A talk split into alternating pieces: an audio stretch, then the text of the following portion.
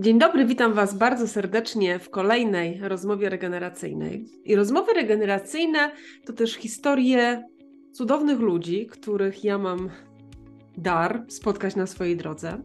I jedną z takich osób, którą chcę Wam dzisiaj przedstawić i którą zaprosiłam do tego odcinka jest Monika Mezjani. Witam Cię Moniko. Dzień dobry Ingo, dzień dobry, przywitam wszystkich słuchaczy. Zapraszam Cię do wysłuchania kolejnego odcinka rozmów regeneracyjnych. Rozmów o życiu, o biznesie, o spotkaniu człowieka z człowiekiem. Zapraszam i miłego słuchania. ja może mm, tak a propos takiego wprowadzenia, opowiem, jak myśmy się spotkały pierwszy raz, bo rzeczywiście Monika zapisała się do mnie na e, taką sesję podsumowującą talenty Galupa. I to był taki pierwszy moment, kiedy, kiedy się spotkałyśmy. I ja przyznam Ci szczerze, nie mówiłam Ci tego, ale pamiętam, jak przed tą pierwszą e, e, rozmową sobie myślę, Boże, co to za dziewczyna? Gdzie ona mieszka? E, I, i z taką przed tym spotkaniem pamiętam, że miałam takie, taką, taką niepewność, taką lekką obawę, co to za osoba. Natomiast rzeczywiście, jak porozmawiałyśmy i jak. Um, jak, jak, w ogóle już od, od pierwszego momentu, kiedy zaczęłyśmy rozmawiać, ta rozmowa przebiegała już po prostu wspaniale.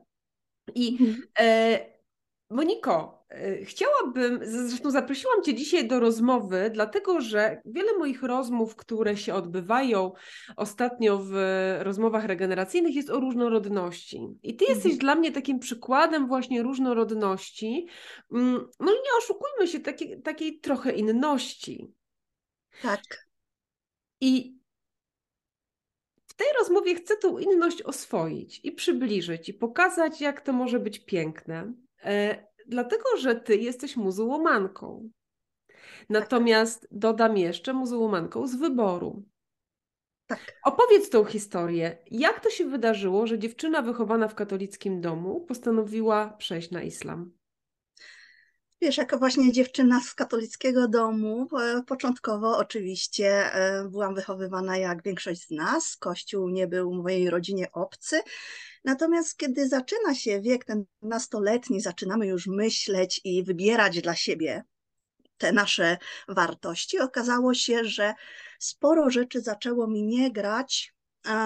Ja byłam bardzo mocno osadzona w czytaniu Biblii, wiesz. I myślę, że to było dosyć nietypowe jak na nastolatkę, ale siedziałam Aha. z tą Biblią, wertowałam, zaznaczałam i bardzo chciałam dyskutować na ten temat.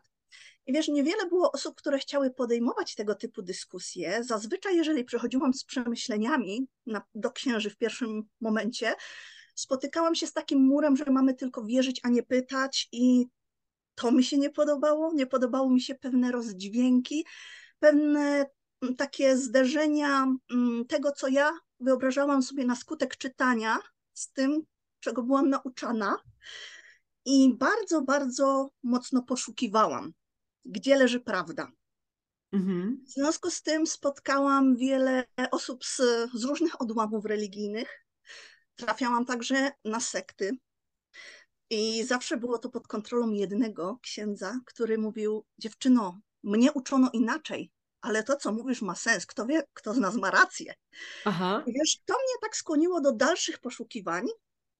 Weszłam całą sobą w te poszukiwania. I co było na końcu? No nic, tylko to, że się poddałam, że stwierdziłam, że do prawdy chyba nie dojdziemy i żyłam z Bogiem bez religii. To był taki czas dosyć trudny, troszkę sporo się działo w moim życiu i czułam taką wewnętrzną pustkę. Po prostu taką przerażającą pustkę. Modliłam się bardzo intensywnie i mówię: Boże, jak ty mnie nie poprowadzisz, to ja nie wiem, co dalej ze mną będzie.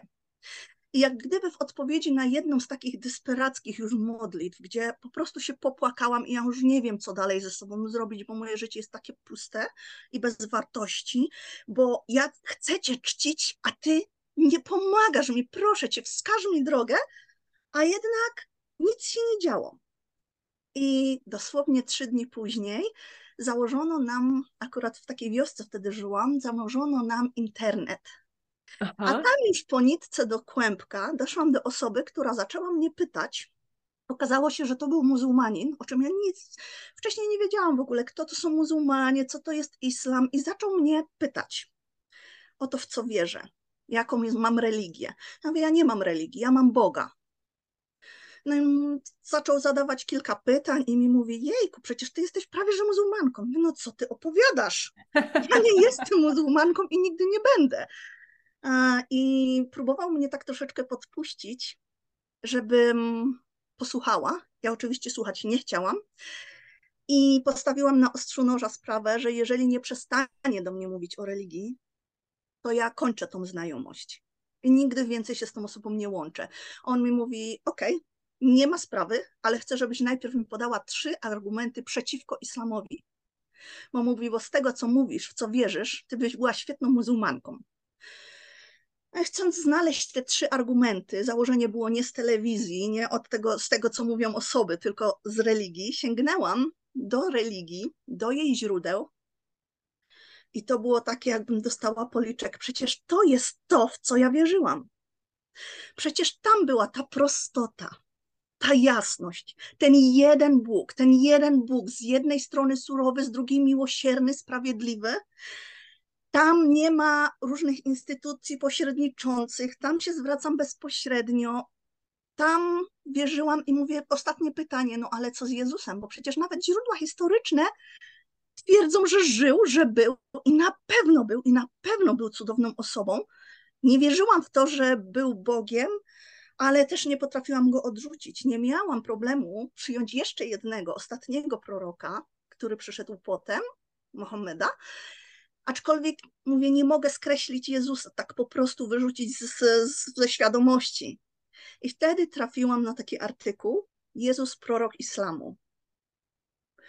I mówię, no to teraz to już wszystkie klocki poukładane.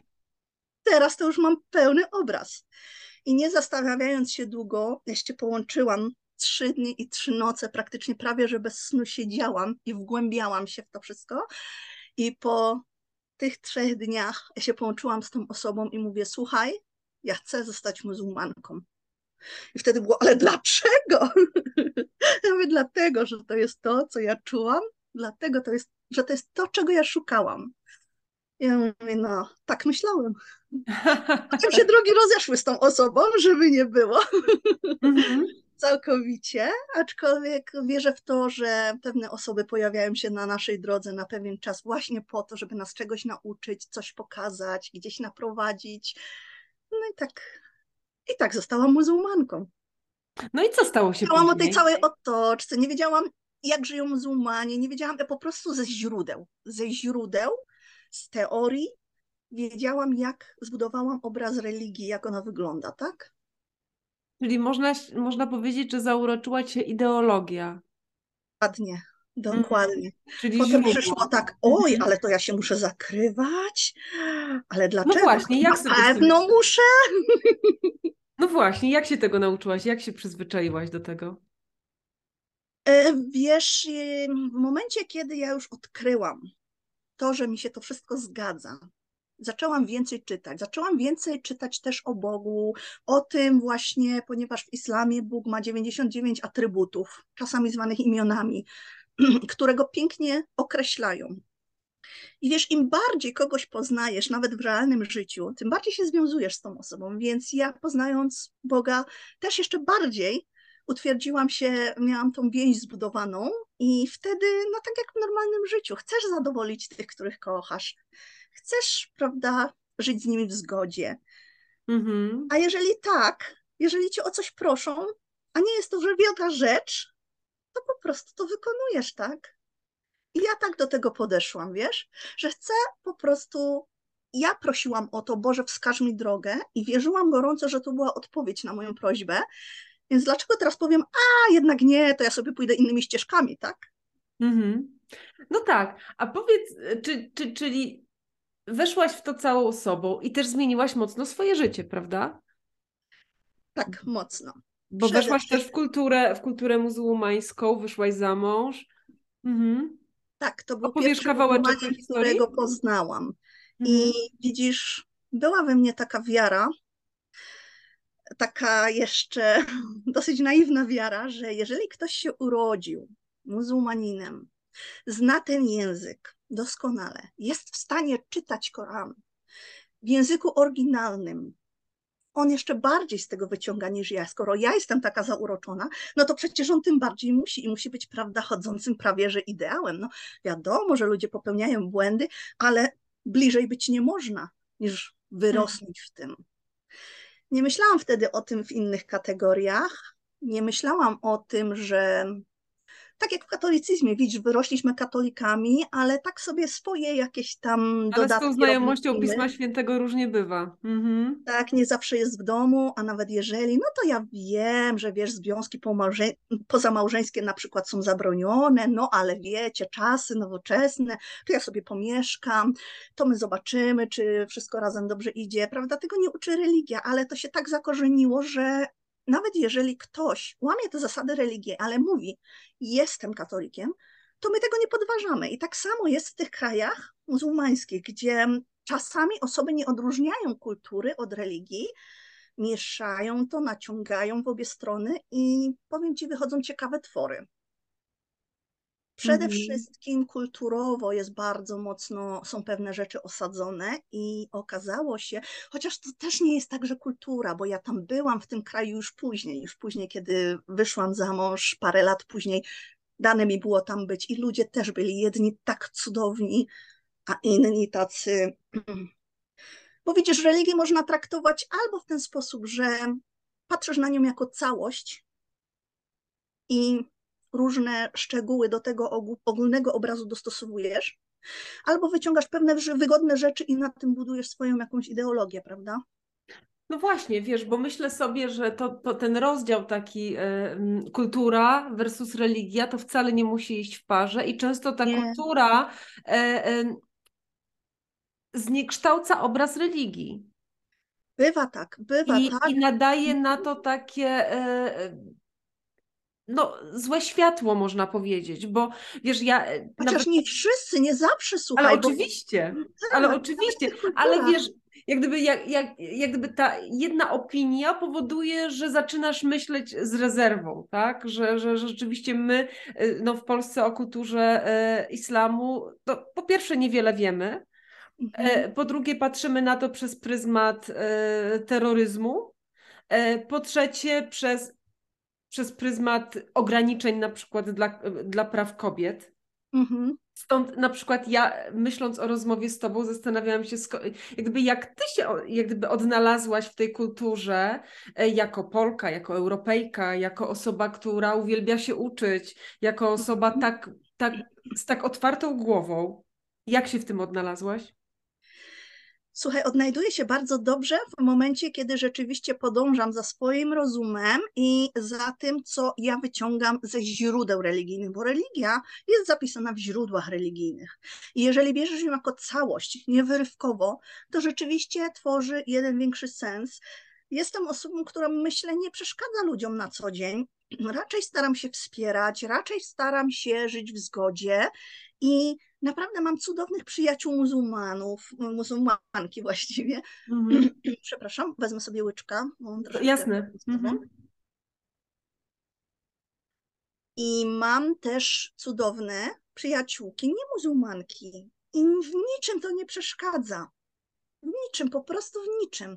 Ja nie widzę problemu z tego, żeby wyjść do ludzi i te interakcje nawiązywać to raczej wiesz, w drugą stronę jest tak, że ktoś widzi mnie i nagle jest takie o, stop, taka rezerwa, przy czym bardzo często słyszę, że łamę schematy. Mm-hmm. Tak, wiesz, ale to, jak, jak mówisz o tej rezerwie, to jest też to, do czego ja się przyznałam na początku tej rozmowy, tak? I myślę, że no nie oszukujmy się, jest to naturalny odruch, bo też jak, jak rozmawiam o różnorodności z różnymi osobami, rzeczywiście no, jesteśmy, lubimy wiedzieć, co mamy dokoła, tak? Lubimy spotykać podobnych tak. sobie, a jak spotykamy się z różnorodnością, która jest też w przypadku y, y, y ciebie, no bardzo widoczna, tak? Bo masz zakryte tak. pasy. Więc, e, więc to jest, mm, no ale myślę, że jeżeli będziemy oswajać tą różnorodność, to z każdym kolejnym krokiem, z każdą kolejną poznaną osobą będzie po prostu łatwiej. Także wspaniale, że łamiesz schematy. Ale Moniko, też mówisz o mm, właśnie tym, że masz wiele przyjaciółek muzułmanek, ale też y, nie muzułmanek. E, I I też chcę przejść do tej takiej Twojej drogi tego, czym Ty się zajmujesz teraz, bo to też jest zachwycająca historia. Dlatego, że na Twojej stronie znalazłam informację, że. E, tak, że, że Monika Mezjani, holistyczne wsparcie człowieka. Skąd u Ciebie to takie holistyczne podejście, to, e, to co robisz, bo zajmujesz się holistycznym wsparciem człowieka, ale też wsparciem kryzysowym. O tych kryzysach to za chwileczkę może. Opowiedz o, tej, mhm. o tym, jak. Mm, skąd, skąd właśnie ta ideologia e, holistycznego podejścia? Mhm. Wiesz, kiedy byłam wcześniej jeszcze nastolatką, może 19-20 lat miałam, kiedy miałam pierwsze zetknięcie z naturalnymi metodami leczenia, ponieważ miałam astmę i ta astma była już na tyle silna, i sterydy jedne po drugich przestawały działać, dawki były zwiększane, leki zmieniane. I pamiętam taki moment, kiedy poszłam do swojej przychodni przepisać kolejne porcje leków, a lekarz mi powiedział: Nie, ja pod tym się nie podpisuję, bo jak ty już jako dwudziestolatka bierzesz takie silne, to o ile dożyjesz do 40 lat, to będziesz wrakiem człowieka.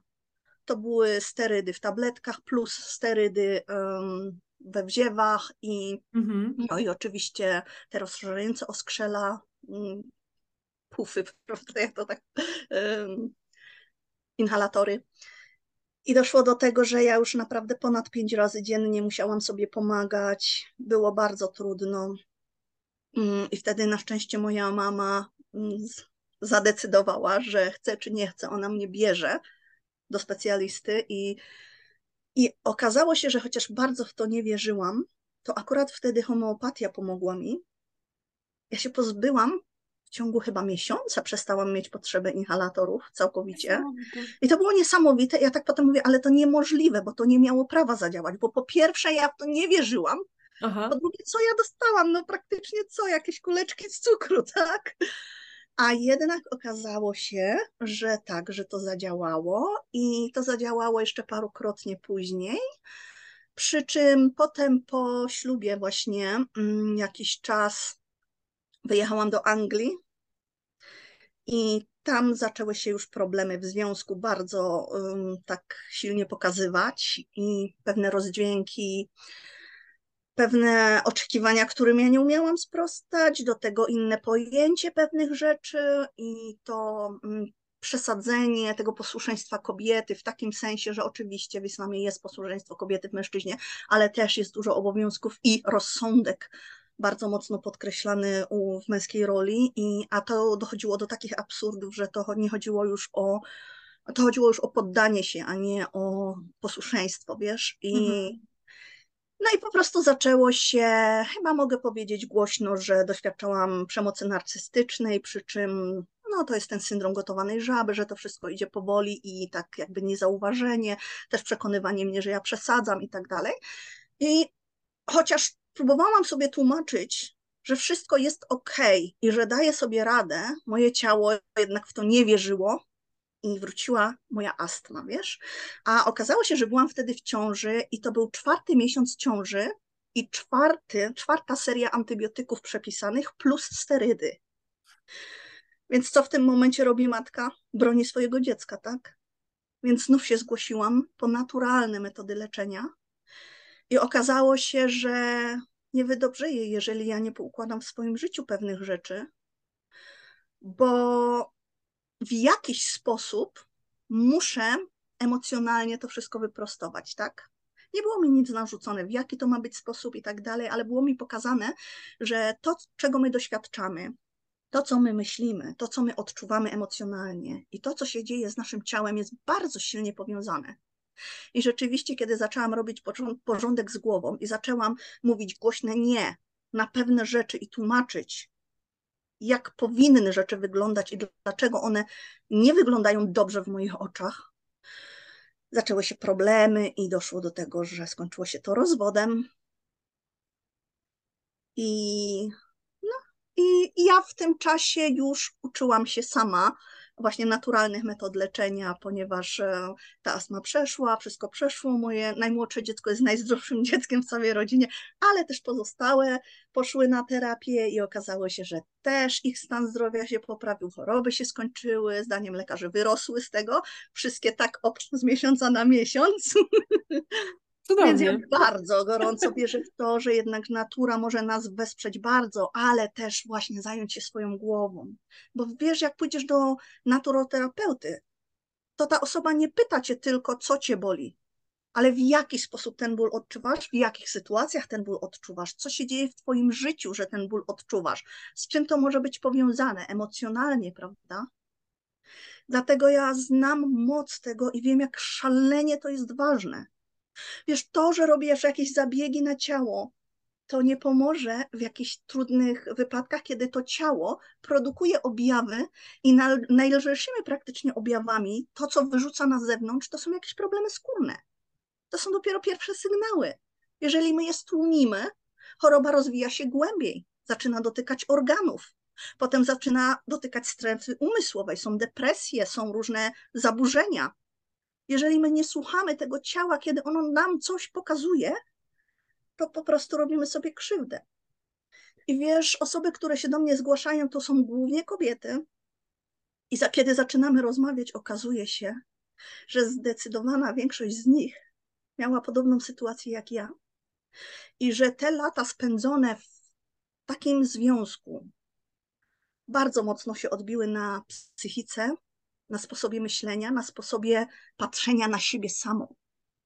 Dlatego ja próbuję odwrócić troszeczkę ten proces, że nie sięgaj po strategie umysłowe, kiedy jeszcze nie przepracowałaś pewnych rzeczy w sobie, prawda? I próbuję wejść w to wszystko głębiej. Zacznij od siebie, a potem to się przełoży na Twoje życie, na otoczenie. Jeżeli jesteś matką, szczególnie zacznij od siebie. Kiedy moje dzieci jeszcze po tym rozwodzie doświadczały różnych takich trudów, bo jednak na dzieci to też wpłynęło wszystko. Oczywiście wysłałam je do specjalisty, ale też zaczęłam się uczyć, jak pomagać osobom w kryzysie. I wtedy mi kliknęło bardzo mocno przede wszystkim ty.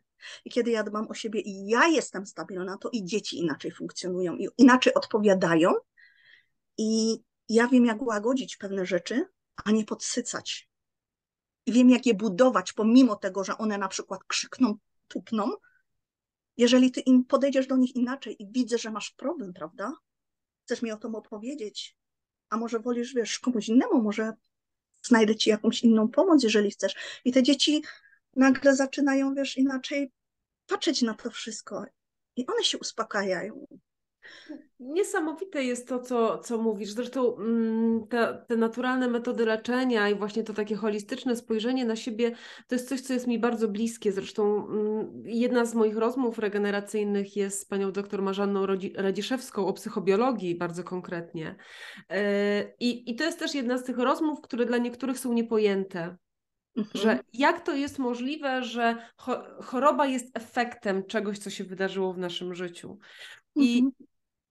I mnie tutaj e, w tym, co mówisz, bardzo tak mm, jak gdyby zaciekawia, wiesz co, ta twoja jak gdyby świadomość i, i ta historia, którą opowiedziałaś z, z młodości z, z tą astmą i później z tym, kiedy ta, ta astma powróciła, jak ja, ja nawet posunęłabym się do czegoś takiego, że, że, że Twoja wysoka świadomość sprawiła, że Ty się y, wyzwoliłaś y, z przemocowego związku. W sensie takim, że zauważyłaś, że twoje ciało daje ci już bardzo konkretne sygnały, których nie możesz zbagatelizować. Mhm. Ta moja świadomość została uśpiona. Dzisiaj wiem, jak się nazywają wszystkie techniki, które były wykorzystywane, żebym ja była w takim stanie, jaki była i miała te oczy zamknięte, pomimo że wiesz, byłam w tym wszystkim. Potrafiłam zobaczyć innych małżeństwach, gdzie tam coś, czy związkach, gdzie, gdzie tam kobiety mają przekraczane te granice, a u siebie tego nie widziałam. Dziś rozumiem dlaczego i wiesz, to też jest inaczej, bo jeżeli zwracasz się do osoby, która nie przeszła tego, jeżeli nie rozumie tego, to jest tak, no ale to po co tyle czasu zostawałaś, jak ci było tak źle, prawda? No właśnie. Nasz umysł jest tak złożony i to jest w ogóle cała seria mechanizmów, dlatego mm, też otoczenie nie jest uświadamiane, też nie pomaga się wyzwolić z tego. Dlatego powiem Ci naprawdę, ja tutaj widzę bardzo, bardzo duże pole do działania, jeżeli chodzi o właśnie takie, zacznij od zrozumienia, bo jak będziesz miała świadomość, to ty zrozumiesz, co się dzieje już wcześniej. Gdybym ja wtedy wiedziała to, co wiem teraz, do wielu rzeczy prawdopodobnie by nie doszło. Podchodzę do tego, że tak miało być, widocznie po coś. Być może po to, żebym ja to zrozumiała i efektywnie pomogła innym, prawda? Nie wiem. Dokładnie. Ale... Być może gdybyś nie miała tych doświadczeń, nie wiedziałabyś teraz tego, co wiesz i nie mogłabyś robić na przykład tego, co robisz teraz, czyli mhm. wspierać innych kobiet w kryzysie. Tak. Bo rzeczywiście ten mentoring kryzysowy, konsultacje kryzysowe to jest też coś, co robisz. I tak jak też mi mówiłaś y, kiedyś podczas rozmowy, że rzeczywiście takie kobiety, które potrzebują wsparcia, właśnie do ciebie trafiają. Tak, kryzysy są, różne, natomiast to, co zauważyłam, że jeżeli są kobiety po takich tego typu przejściach, spada drastycznie ich samoocena, wiara w siebie, w ogóle takie jakieś.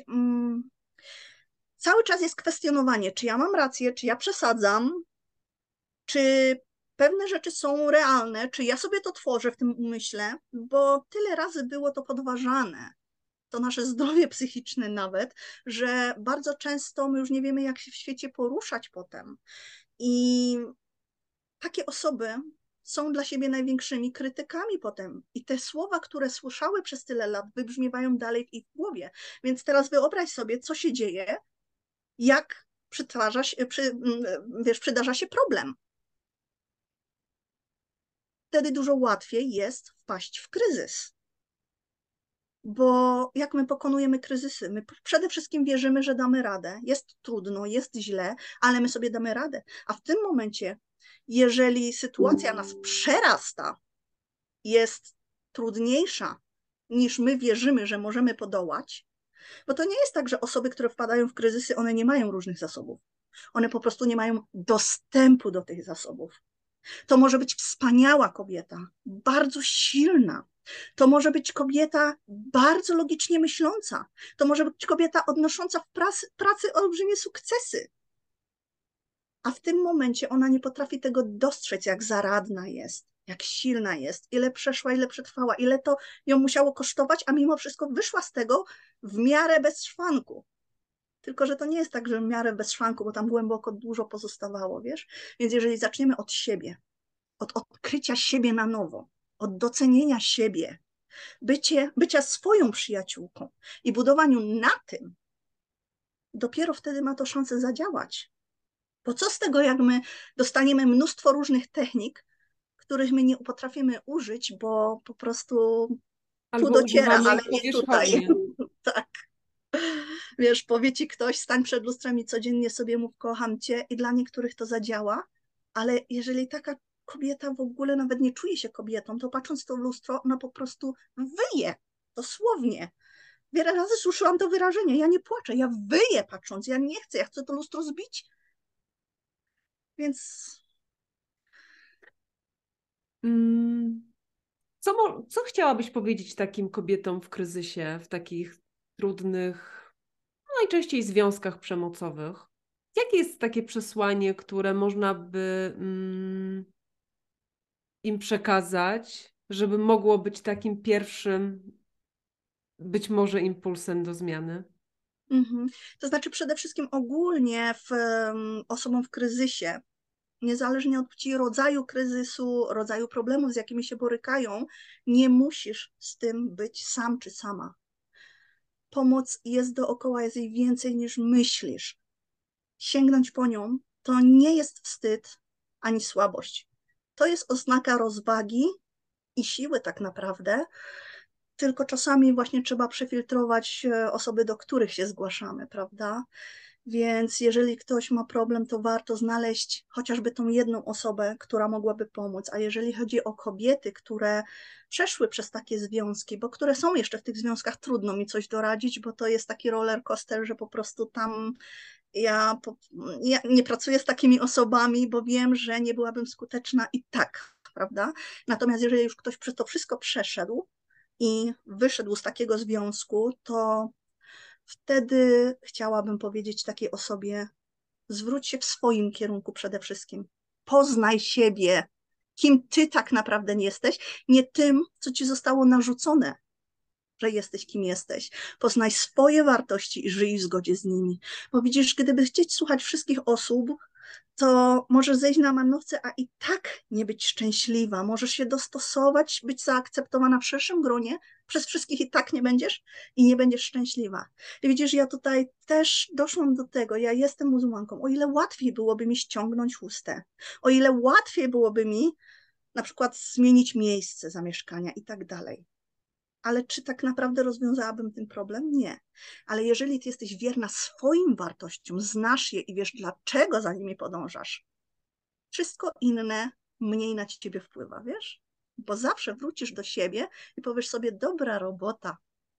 Jestem z siebie dumna, bo żyję w zgodzie ze sobą. I to buduje. Jaka jest dzisiaj Twoja misja, Moniko? Taka misja życiowa? Mm, wiesz, w tym momencie zajmuję się tymi kryzysami, jestem coachem, mentorem kryzysowym, ale też e, zaczynam tworzyć pierwsze programy, które miałyby właśnie budować samoświadomość, samoakceptację, odporność psychiczną, w ogóle dobrostan psychofizyczny, tak ogólnie pojęty, ale gdzieś tam w sercu cały czas gra że kiedyś pewnie dojdę do tego momentu, gdzie zajmę się bardziej przemocą narcystyczną, uświadamianiem, uświadamianiem kobiet, głównie kobiet, bo, bo to nie tylko kobiety doświadczają, prawda, ale uświadamianiem nie tylko osób, które się zastanawiają, czy ja to przeszłam, czy ja tego nie przeszłam, bo to może dużo zmienić w głowie, ale też uświadomienie społeczeństwa, żeby były bardziej wyrozumiałe dla takich osób, i efektywniej potrafiły pomóc jako sąsiadka, jako mama, jako siostra, żeby one też poznały te mechanizmy i umiały je wykryć w porę,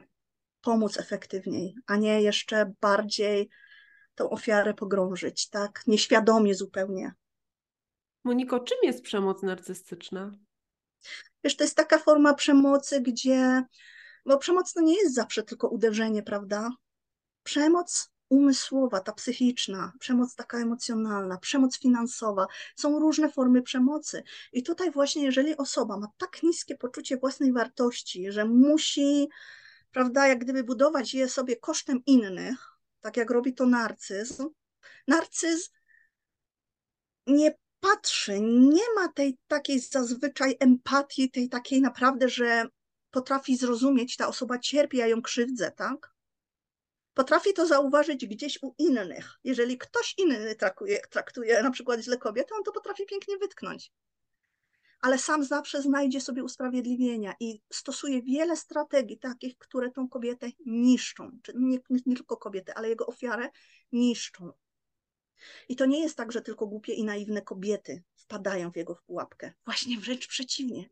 O, kobiety zazwyczaj zaradne, kobiety, które on widzi, to wow, to coś, ja bym chciał być taki jak ta kobieta, prawda? Więc ja ją chcę dla siebie. I słyszałam kiedyś takie zdanie, że na jednym ze szkoleń, że narcyz to jest ktoś, kto idzie na łąkę i zrywa najpiękniejszy kwiat. Tylko nie rozumie, że jak go zerwie bez korzeni i wsadzi do wazonu, to ten kwiat zwiędnie. I mhm. właśnie stosując te wszystkie swoje sposoby na to, żeby jak gdyby dorównać i też pokazać się w dobrym świetle i budować tą swoją samoocenę, on jak gdyby niszczy i, i, i sprawia, że te osoby powoli umierają tak wewnętrznie. I to jest smutne. Bardzo. Bo to są osoby zazwyczaj bardzo empatyczne. Ale wiesz, myślę, że to nie bronią też. Tak, tak, to taki mechanizm y, y, psychologiczny, natomiast to też nie sprawia, że narcyz y, rozkwita. No nie, właśnie nie. I to jest najgorsze, że nie rozumie, że mógłby tak wiele zyskać, gdyby tylko, wiesz, umiał przyznać się do swojej słabości i sięgnąć po tą pomoc. Niekoniecznie mhm. profesjonalną, ale nawet pomoc od tej swojej partnerki, tak? Chodź, pójdziemy razem, nie? Bądźmy po partnersku. Zróbmy coś pięknego z naszym życiem. To nie jest ta idea. Mhm. Popatrz, jak wiele zależy właśnie od takiej samoświadomości i tego właśnie, o czym mówisz, tego popatrzenia w głąb siebie, jakie są moje wartości, czego ja chcę, jak chcę żyć i trzymania się tego, wierzenia w to. Mm, I to wcale nie jest takie proste, bo nawet jak sama mhm. mówisz, no często jesteśmy w stanie poddać się e, e, czyjemuś wpływowi tak mocno, że rezygnujemy z siebie, oby nie na długo. Mhm, oby nie na długo. Ale wiesz, to jest piękne, że zawsze możemy się odbudować może jakieś rany, rysy pozostają na zawsze, tak? I bywają takie dni, gdzie człowiek chce położyć się i wypłakać w poduszkę i nic więcej. Jednak można nauczyć się szybciutko dochodzić do siebie po takich dniach i iść dalej w życie i robić z nim coś pięknego, wiesz? To nas, że przyszłyśmy pewne rzeczy, to nas nie zdefiniowało. To nie jest to, kim my jesteśmy. To jest to, czego myśmy doświadczyły i na bazie tego doświadczenia możemy budować zupełnie inne życie. I dzielić się tym. I dzielić się tym. Jeżeli chcemy, jasne, ja nie ma sprawy. Wspaniale. Moniko, e, ja zazwyczaj moich gości w rozmowach regeneracyjnych też pytam o ich sposoby na regenerację. Jakie są Twoje mm -hmm. sposoby na regenerację, na równowagę? Na równowagę moim sposobem jest modlitwa, moim sposobem jest uważność, mindfulness, moim sposobem jest ciepła kąpiel i wyjście w las. Aha. Wiesz, kiedy jestem wśród przyrody, to bardzo często właśnie nawet mi mówią, czy ty masz jakieś inne życie niż ten las? Tak, oczywiście, ale las to jest taka moja odskocznia i taki mój moment, gdzie wiesz, doświadczasz natury wszystkimi zmysłami praktycznie i to jest tak kojące. I wiesz, to nie jest tylko moja fantazja, bo rzeczywiście zostało to nawet naukowo udowodnione. Jest to to, co też zalecam moim klientkom po prostu znajdź czas, żeby wyjść w naturę. A jeżeli nie, stwórz naturę w swoim domu. Jeżeli nie masz innej możliwości, też można te wszystkie inne elementy włączyć, tak, żeby stworzyć sobie takie środowisko, gdzie, gdzie rzeczywiście my jesteśmy częścią natury i jak zauważysz, że jesteś częścią czegoś większego, czegoś bardzo stabilnego, co nieważne, co się dzieje i tak przetrwa, tak, to też daje ci jakieś takie poczucie. No, ja też dostałam pewną drogę do przejścia, ale jednak po prostu jakoś się muszę na tej drodze odnaleźć i, i, i iść dalej do przodu, tak? I przetrwać do dnia, do którego jest nam pisane przetrwać. I zrobić to, co w naszej w naszych rękach, bo tak naprawdę na końcu my się będziemy rozliczać z naszego życia na podstawie tego, co myśmy zrobili, nie co, co nam zrobiono, prawda? To od nas zależy i to, co myśmy zrobili, jest najważniejsze. Co ja zrobiłam ze swoim życiem? Na ile ja siebie poznałam, na ile ja potrafiłam bronić swoich granic i wpływać na to, na co miałam wpływ.